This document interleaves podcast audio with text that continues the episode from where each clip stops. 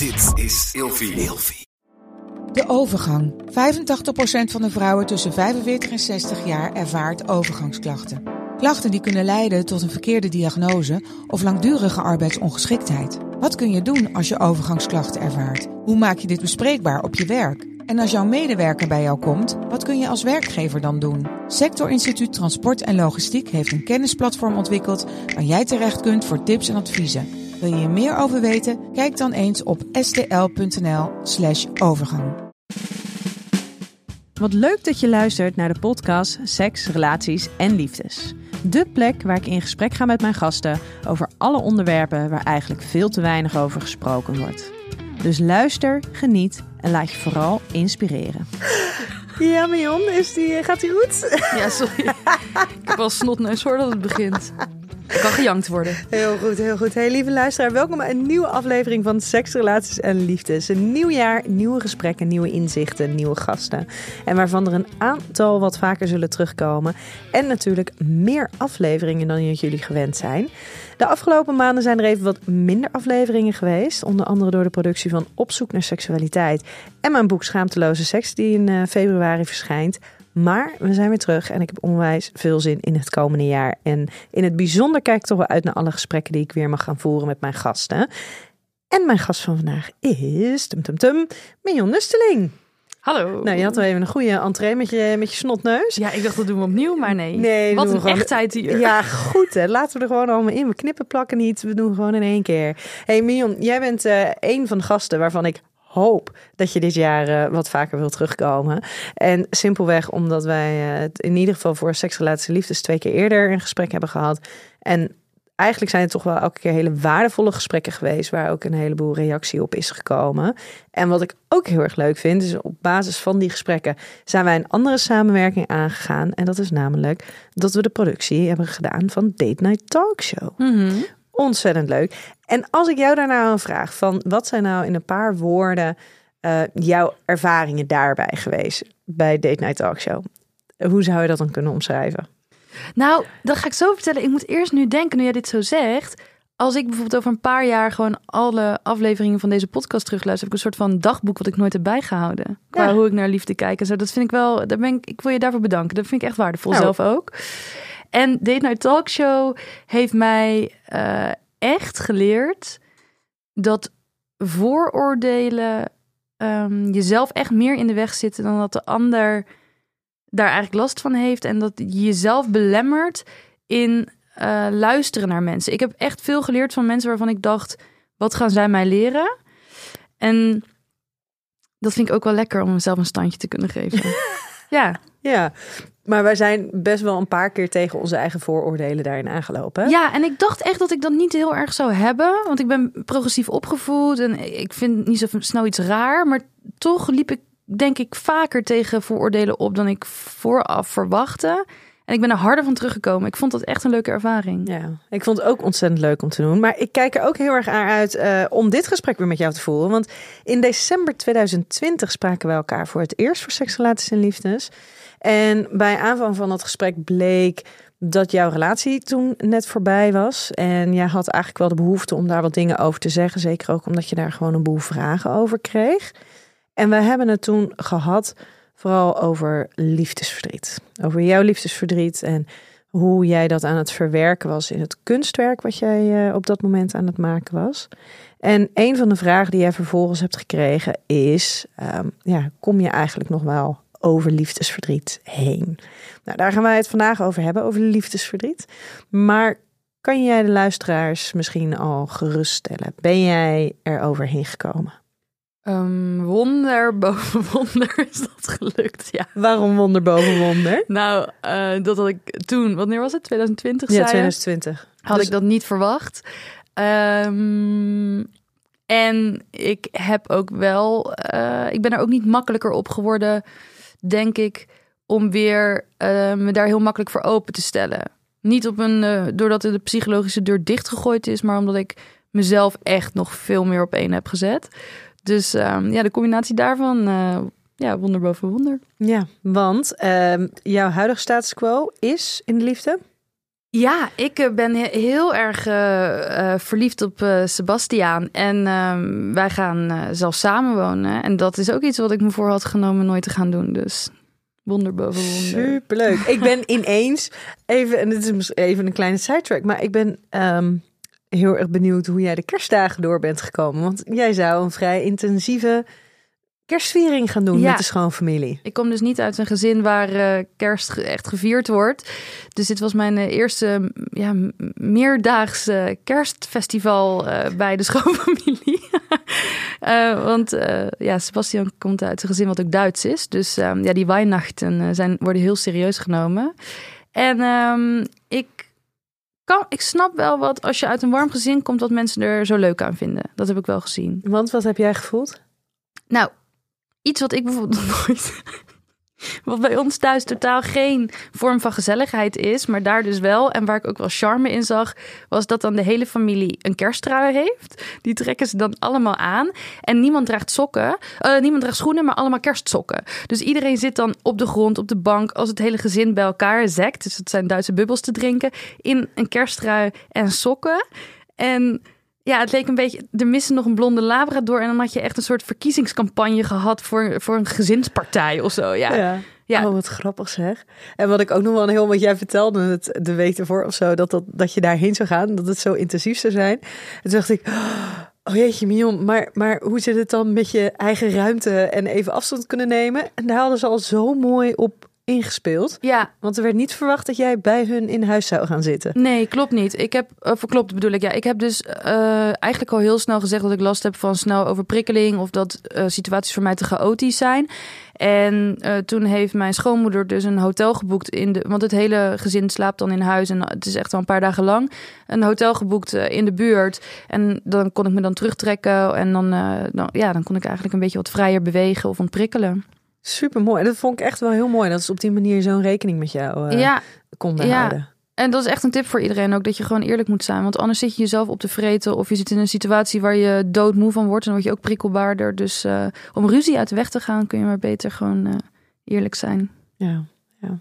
Hey, ehm, ik heb jou toen ooit eens ook gevraagd om vijf woorden te benoemen die voor jou gaan over seks, relaties en liefdes. En ik heb jou die vraag al eerder gesteld. En meestal als ik die vraag al een keer eerder heb gesteld, dan stel ik hem niet nog een keer als ik diegene spreek. Maar jouw situatie nu is zo anders dan toen. Want toen zat jij midden in je verdriet.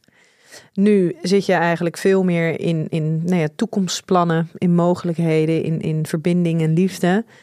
Dus ik ben eigenlijk heel erg benieuwd ehm, welke woorden dat dan nu zijn. En de woorden van toen hebben we er even bij gezocht. Dat waren veiligheid, gelijkwaardigheid, nieuwsgierigheid, tevredenheid en groei.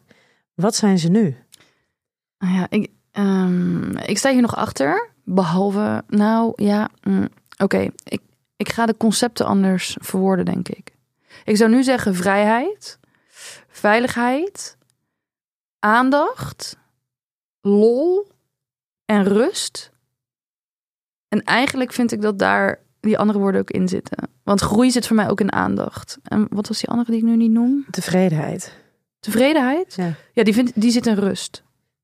Ja, want tevredenheid, daar lijkt ook een soort van berusting in te zitten. Terwijl als je het hebt over het krijgen van aandacht, daar word je natuurlijk, daar wordt, wordt de relatie wordt daar prettiger van. Nou, ik dacht meer aan het, aan het geven van aandacht. Ehm, ik ga nu dus in Rotterdam wonen en ik fiets elke dag langs eh, Willem de Koning. De kunstacademie. En daar hangt heel groot op de zijkant. En dat vond ik vroeger al geweldig, maar toen snapte ik het nog niet. Er staat heel groot eh, in zo'n licht eh, neon sign. You have to change to stay the same. En ik heb daar heel lang over nagedacht. En ik snapte eigenlijk nooit echt wat het betekende. Wel in de, zeg maar, voor Willem de Koning. Want hij bedoelde gewoon in wat voor systeem je ook zit. Het verandert altijd en jij zal moeten veranderen. Uh, maar wat betekent het nou in mijn leven? Ik, ik had niet helemaal echt een gevoel bij die term, terwijl die hing zo groot op het gebouw. En nu denk ik wel, oh ja, je hebt een bepaalde verandering nodig om op hetzelfde niveau te blijven. Um, stel bijvoorbeeld dat je misschien iets meer aandacht moet besteden aan je partner over de loop in de loop der tijd om een bepaalde verliefdheid vast te houden. Dus normaal ga je bijvoorbeeld elke avond gamen. Doe het in een avond niet. eh, en besteed wat meer aandacht aan je partner omdat het, omdat het erin geslopen is. Of eh, ga wel een keer met je partner mee voetbal kijken eh, onder een dekentje op de bank. En je zult moeten veranderen misschien om op een bepaald niveau te blijven. Dus dat, dat is die groei. Aandacht is voor mij een beetje, ja, Ja. Oh, mooi. Mooi ook hoe dan die woorden die je dan wel altijd hebt gezien en die je altijd jouw aandacht hebben getrokken, maar die je nooit echt hebt begrepen wat dat dan betekenen, dat die ineens zo'n betekenis krijgen. ja. Ja. ja. Hey, ehm, de vijf kutkeuzes. Nooit meer liefde voelen voor iemand of nooit meer liefdesverdriet. Eh, Wat ik dan wil elimineren of wat ik kies? En wat kies je? Eh, hè? Wacht even, Wacht even één keer. Oh, nee, Ja, ik, ik denk dat het- toch hetzelfde? Ja. dit is echt heel grappig. Deze was ik net aan het maken. En ik heb, ik heb dus gewoon echt hartstikke, ehm, hartstikke hetzelfde. Oké, wacht even. Zo, zo echt zijn wij dus. Ja. Hier, dit is echt, dit is, En zo slim ben ik dus ook. ja. Een soort van dubbele ontkenning. Heel goed, Miel. Ik ben blij dat jij zo lekker scherp, scherp bent. Nou, eh, dan gaan we nooit meer liefde voelen voor iemand. Of nog vaker liefdesverdriet voelen. Ehm, dit vind ik dus lastig. Want ik denk dus... Want dan gaat het om liefde natuurlijk in een, ehm, in een liefdesrelatie. Ik denk dus dat ik met platonische liefde wel oud zou kunnen worden.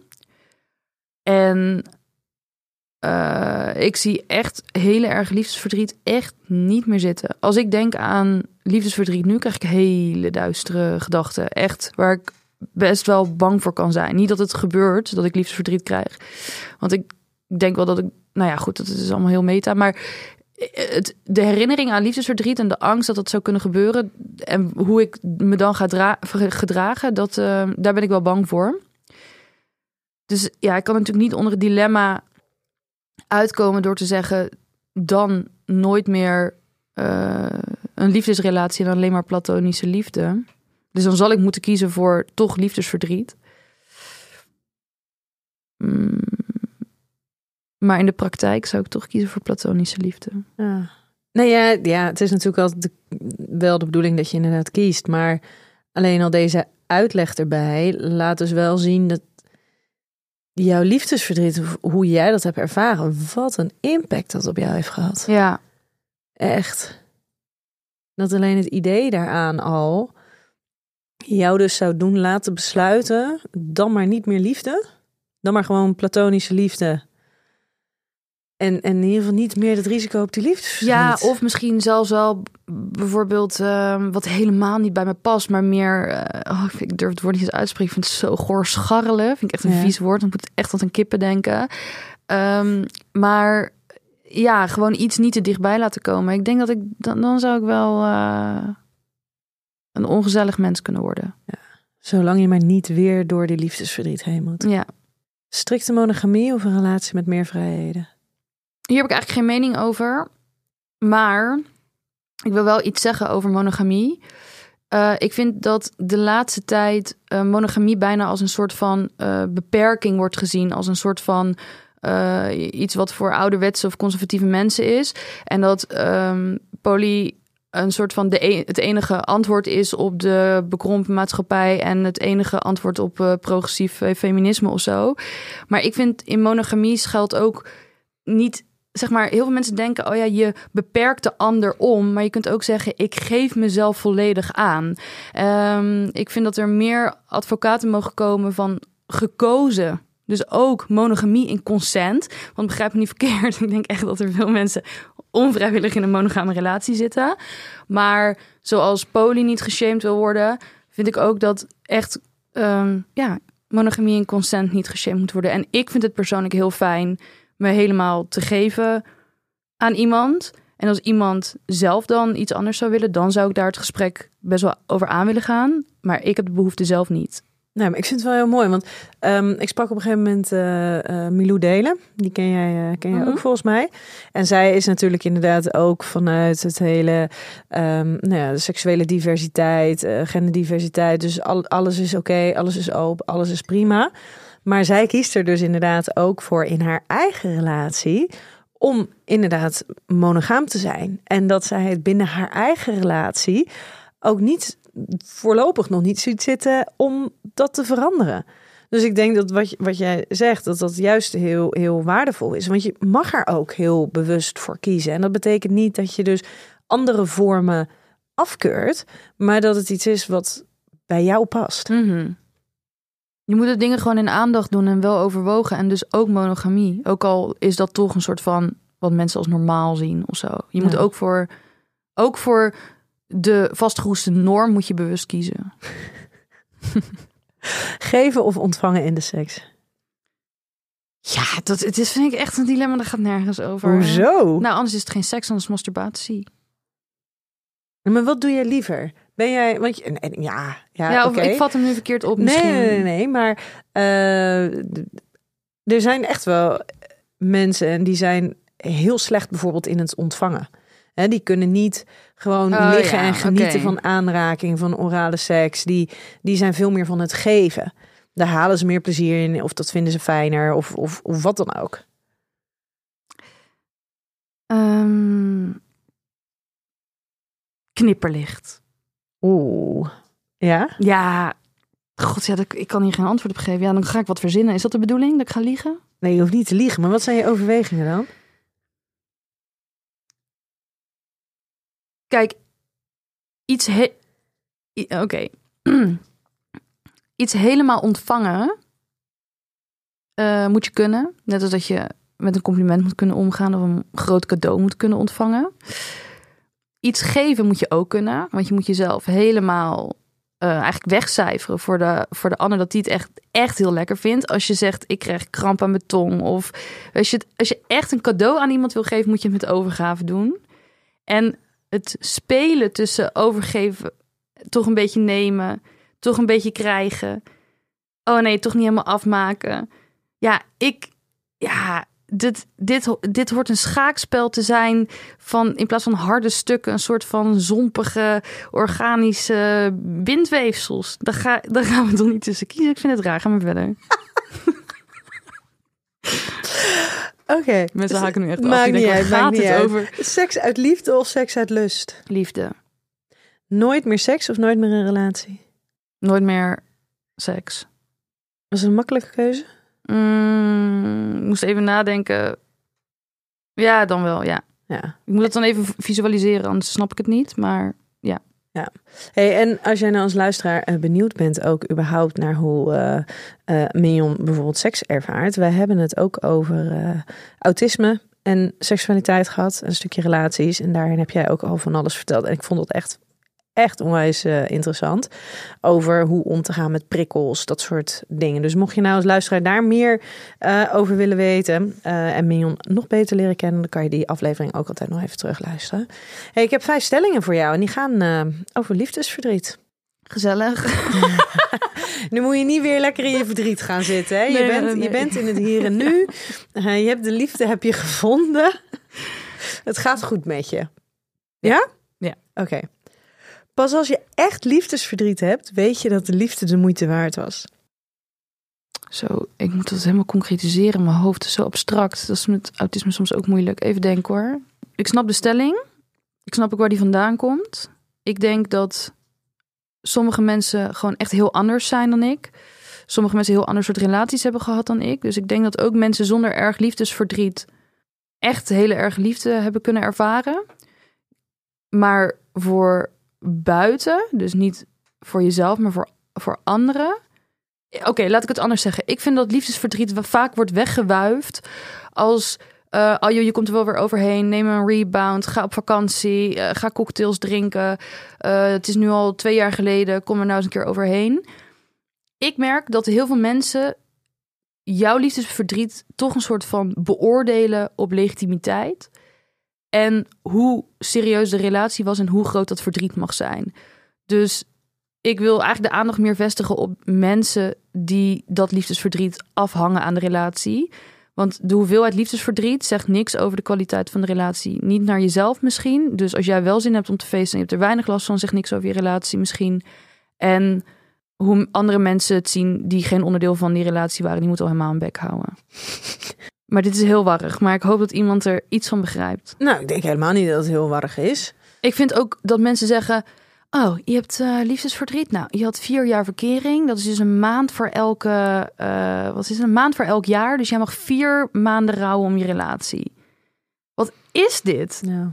Ik vind dat zo raar. Wat is het volgende wat we gaan verzinnen? Een, een, mijn vader is overleden. Dat we een formule gaan maken hoe lang ik daar verdrietig over mag zijn. Dan blijf je de rest van je leven meenemen. Hou eens even Ja. je bakkes. Ja, ik word echt Ja. boos van. Ja, ja, nee, maar dat, dat mag ook wel. Maar ik denk dat het dat, dat alles valt of staat wel ook een soort van met, met de relatie die je had. En dat het dus vanaf de zijkant helemaal niks zegt. Dus dat we helemaal niet kunnen zeggen, oh, dit is dus de tijd die je hebt om te rouwen. Of oh, dan als je, hè, als je er zo snel overheen bent, dan is het waarschijnlijk al klaar. Want als jij bijvoorbeeld eh eh 15 onwijs goede liefdevolle jaren hebt gehad, maar na 15 jaar eigenlijk al een, een, een jaar, twee jaar wat uit elkaar aan het groeien bent op, op romantisch liefdegebied. En vervolgens de stap uit de relatie zet, maar met z'n tweeën dat doet. Ja, dan zal, zal er echt wel een gevoel van rouw zijn. En dan moet je echt ook wel weer wennen aan dat stukje, stukje aan, eh, alleen zijn en stukje individualiteit. Maar de echte liefdesverdriet zal waarschijnlijk van een hele andere aard zijn dan een liefde die niet meer kan zijn. Of een liefde die echt, eh, nou ja, waarbij het voelt alsof je hart eruit wordt getrokken als, als, als die voorbij gaat. Als het jou heel erg eh, overkomt, in plaats van dat je er van tevoren al op kan anticiperen dat het misschien beter is om de relatie te verbreken. Ja, ik denk dat dit een nuance is die ik inderdaad in mijn wolk met gedachten had hangen. En dat ik daaraan toe wil voegen dat ik me afvraag of je zo zelf alert kan zijn dat je precies weet hoeveel je al verwerkt hebt in je relatie en dat soort dingen. Dus eigenlijk is liefdesverdriet, is, daar is geen wiskundige formule voor. Dus ik, je kan ook niet zeggen, dan heb je echte liefde gevoeld of niet. Alles dat je herinnert aan je ex doet letterlijk pijn aan je brein. Nee. Nee. Als ik aan al mijn exen denk, Nee, als je liefdesverdriet hebt, hè? Oh, nog in het moment van Ja, liefdesverdriet. niet Sorry. nu terugkijkend soms op. letterlijk. ja. Ehm, ja, vind ik ook moeilijk. Want ik heb heel veel werk gemaakt als kunstenaar over liefdesverdriet. En uiteindelijk eh, heb ik best wel eh, mooi werk gemaakt. dus het heeft me ook ergens gebracht. En ook op dat moment zag ik dat al. Dat ik dacht, potverdorie, ik heb wel een drive. Kijk, ik ben ook toch het type kunstenaar... wat het ook heerlijk vindt om gewoon thuis op de bank te zitten. Dus als ik het gevoel heb, ik moet nachtenlang doorwerken... dat heb ik niet, heb ik niet vaak. Dus dat zie ik ook als een positief iets, die drive. Ehm, ja, je bent toch ergens ook voor gevallen... Ik zie dat wel. Zeg Ja. je nou eigenlijk stiekem net dat liefdesverdriet jou een minder luie kunstenaar maakt? Ja, absoluut. dat had ik eerst niet durven zeggen. Volgens mij heb ik dit ook in een, in een aflevering met jou gezegd. Dat ik me schaamde van de gedachte dat ik misschien beter word in mijn werk door de... Ja, ik denk dat ik hier ooit een keer... Ik ben nu bang en heel zelfalert dat ik iets zeg wat heel onaardig is. Maar liefdesverdriet heeft mij een minder lui kunstenaar gemaakt, zeker. Maar waarom is dat een naar iets dan? Want heel veel kunstenaars die gaan juist heel goed op pijn, op verdriet, op melancholie, op dat soort elementen. Twee dingen. Eén, ik wil hem niet, eh, dus mijn ex-vriend niet een soort misbruikt hebben om een betere kunstenaar te zijn. En twee, ik wil ook niet een kunstenaar zijn die leed nodig heeft eh, om goed werk te kunnen maken. Ik vind dat in de kunst, of dat nou de beeldende kunst is of literatuur of de muziek, leed altijd een soort verheerlijkt wordt over lol of zo. Alsof je werk diepgaander is als het over nare, dingen gaat. En eh, ik wil autonoom mooie dingen kunnen maken die uit mij komen. En als je daar per se liefdesverdriet voor nodig hebt, heb je toch een ander iemand nodig. En hoe autonoom is het dan? Nou ja, goed, dat ja. Oh, wauw.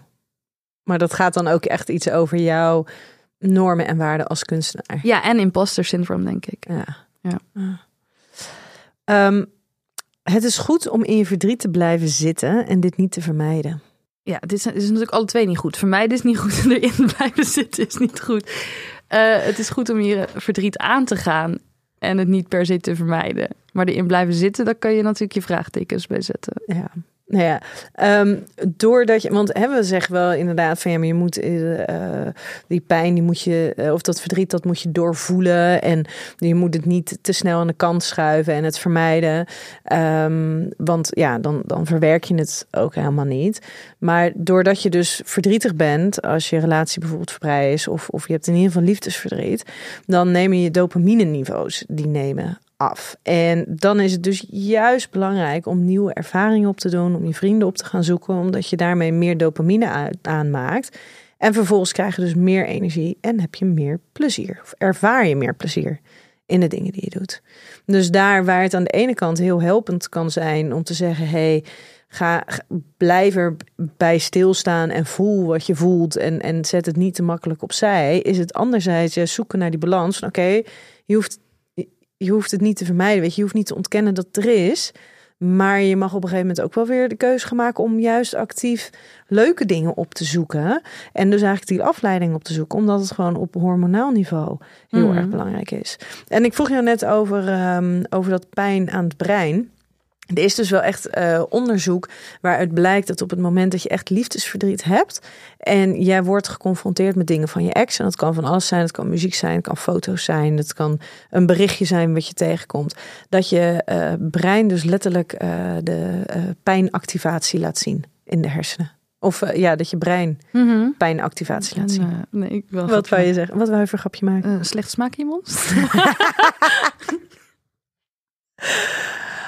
Een zogenaamde rebound of een nieuwe liefde treffen is juist heel erg goed na een relatiebreuk. Ja, kijk, eh, ik weet, ik vind ik lastig. Kijk, ik kan, ik moet als ik dingen wil verwerken echt op een stoel gaan zitten om erover na te denken. En zeg maar, mijn hoofd voelt soms alsof er eh, een verhuizing gaande is geweest en alle verhuizen hebben gewoon alles zo in de woonkamer gegooid. Zo van zoek het dan zelf maar weer uit. Heel herkenbaar. Een Ja. weken geleden nog. Heerlijk. Maar dan letterlijk. God.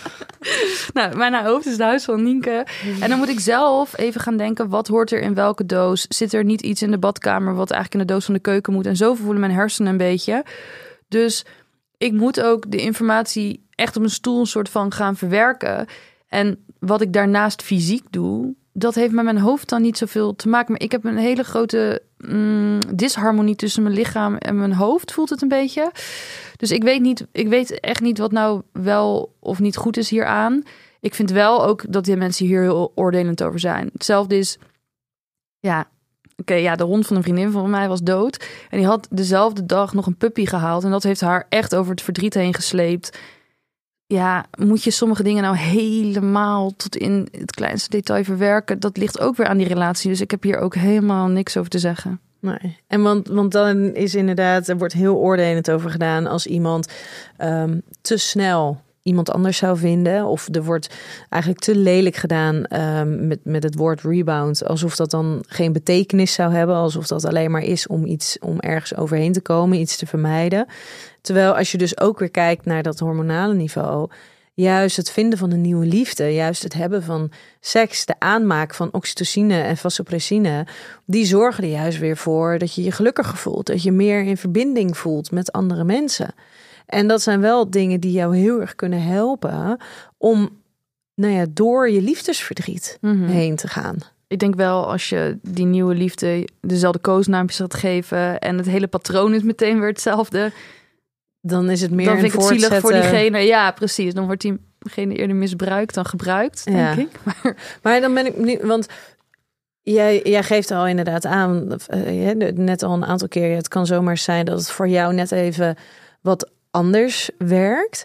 Maar dat vind ik eigenlijk wel heel erg interessant. Dat er dus over het algemeen zijn er dus onderzoeken gedaan naar liefdesverdriet en wat er gebeurt op hormonaal niveau. Wat dingen kunnen zijn die je kunnen helpen. Terwijl eigenlijk jij dus al aangeeft, ja, maar dat zijn dus allemaal dingen die niet voor mij werken. Nou, ehm, ik denk dat ik er altijd een soort van even nog een keer extra over na moet denken eh, of het wel echt go- goed is. Ik kan soms, ja, ik weet nog niet hoe, hoe interessant dit voor de luisteraar is, al deze particuliere dingen, maar ik kan echt een soort eh, overdosis hebben, eh, ehm, bijvoorbeeld aan.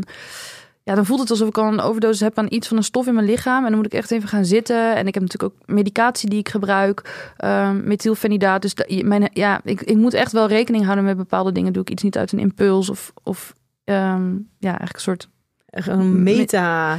Op een metaniveau moet je gaan analyseren wat gebeurt er nou door mij? Wat, wat gebeurt er nou door mijn medicatie? Wat... Ja, dus daarom ben ik meestal gewoon een beetje rustig en probeer ik gewoon niet te snel dingen te beslissen. Aan de andere kant wil ik ook liever dingen uit emotie meer leren doen dan altijd overwogen. Dus ja, ik kijk altijd gewoon een beetje. waar de kabbelende beek naartoe stroomt. Nou, ja, bijzonder. Je lichaam rust gunnen is nodig om goed te helen van je liefdesverdriet. Eh, fysiek? Ja. Ik, ik denk dat de sportmafia vindt dat je moet hardlopen. Ja, dat zeggen ze altijd bij alles. Jeuk aan je neus, hardlopen, honger, hardlopen, pijn aan je voeten, gebroken enkels, hardlopen. Ijsbaden schijnen ook goed helpen. Ja, gebroken voet, hardlopen. ik weet Nee, niet welke, welke denk- hardloopmafia dit is. Maar... Kun je niet hardlopen, gaan dan in een ijsbad. Nee, ik denk, ik denk dat, eh, dat het ongetwijfeld goed is ook voor alle hormonen in je lichaam om te bewegen. Mm, maar ik denk ook dat je best wel een keer met een bak Ben Jerry's op de bank mag zitten. Het is toch gewoon kijken wat goed voor je is, toch? Ja, nou is het zo dat letterlijk troost eten ook heel helend kan werken. Hè? Ja. Liefdesverdriet. Ja, maar het is inderdaad de, de hardloopmafia. Er is natuurlijk een enorme...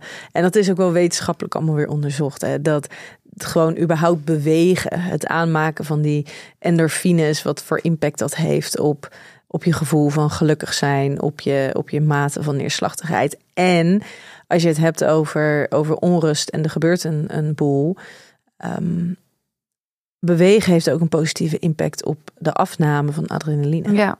En doordat je adrenaline afneemt, word je wel rustiger. Ik heb als ik me verdrietig voel eh, ook wel dat ik ga sporten, maar niet hardlopen. Maar dan ga ik altijd iets doen wat ik nog nooit heb gedaan of waar ik niet zo goed in ben, zoals eh, rolschaatsen, kunstschaatsen of zo. Want dan ben je ook met je hersenen bezig met iets nieuws leren, waardoor je Dan niet de hele word je tijd echt afgeleid. huilend aan het rennen bent. Luisterend naar melancholische nummertjes. ja. Ja. Hey, en jij had een. ehm, ja, ik vind, ik, als we dit, eh, ik vind gewoon bizar de invloed van hormonen op liefdesverdriet. Vind ik, ik echt bizar dat dat zo werkt.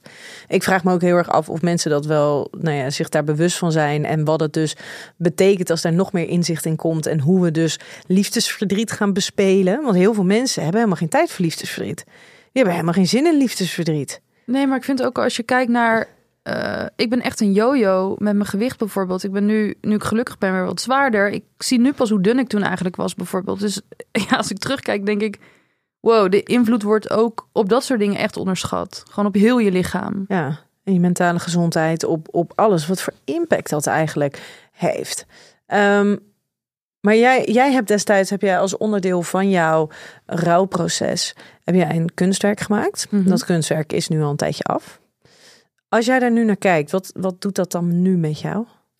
Ja, dus ik heb een, ehm, het orgaan gemaakt, wat eigenlijk niet in je lichaam zit, maar wat er eh, voelt te zitten op het moment dat je liefdesverdriet hebt, wat eigenlijk aan je knaagt en wat al je orgaanfuncties overneemt. Ehm, en toen ik het maakte, dacht ik echt dat ik heel erg mijn gevoel aan het eh, vormgeven was. Maar er waren zoveel reacties van mensen die zeiden: Dit is precies hoe het voelt. Dus eh, ik vind het wel interessant dat het zo ehm, universeel is. Iets wat zo erg eh, lijkt alsof het tussen jou en iemand gebeurd is. En daarvan is het product dan liefdesverdriet.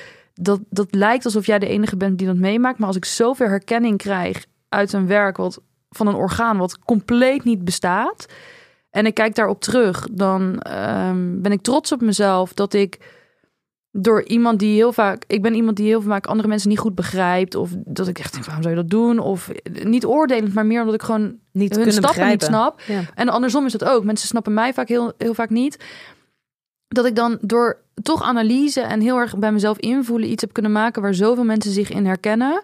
Eh, daar ben ik wel trots op. En nu ik dat gevoel zelf niet meer in mijn lichaam heb zitten, dat orgaan knaagt niet meer aan mij, eh, zie ik het bijna niet echt meer als een herinnering van mij, maar als een soort van ehm, biologische hypothese of zo. Ja, het is grappig. Het is, het is nu geëxternaliseerd. Ja. Ja. Maar dat vind ik sowieso, hè, want in, in, vaker als wij gesprekken voeren, of het nou hier is of eh, in, in andere setting, dan heb jij, benoem jij best wel vaak van ja, maar dit is hoe het voor mij werkt. Alsof jouw manier van functioneren dus niet overeenkomt met dat van, nou ja, tussen aanhalingstekens andere mensen.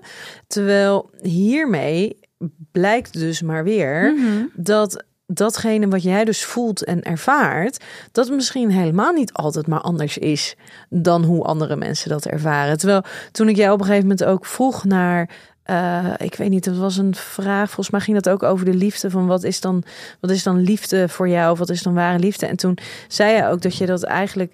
eh, eh, toen gaf je ook als een antwoord van nou ja, voor mij is dat volgens mij dit en dit en die elementen. Maar ik weet niet hoe dat voor andere mensen is.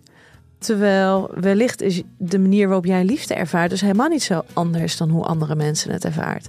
Nog de liefdesverdriet als gevolg daarvan. Mhm. En als, als we dan teruggaan naar dat werk, ik ben mijn eigen gevoel alweer vergeten daaraan. Soms moet ik naar, dan loop ik, het staat in mijn atelier nu, en dan zie ik het staan en dan denk ik, oh ja, zo heb ik me ook nog gevoeld. Echt heel raar. Ja, maar is dat ook niet wat nodig is bij liefdesverdriet? Of überhaupt bij die Ja, hele intense... anders, anders begin je er nooit meer aan. Nee, want daar zit natuurlijk ook heel vaak de angst bij liefdesverdriet van gaat het nog over? Ja, Wordt het ooit beter?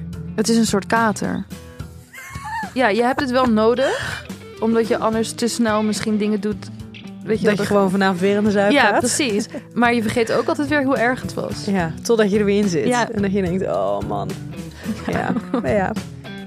Hey, lieve Mion, wij gaan hem, wij gaan hem afsluiten. Dankjewel voor dit, eh, voor dit gesprek. Ik eh, hoop dat we elkaar nog een paar keer vaker gaan eh, spreken. En eh, lieve luisteraar, tot een volgende keer bij een nieuwe aflevering van Seks, Relaties en Liefdes.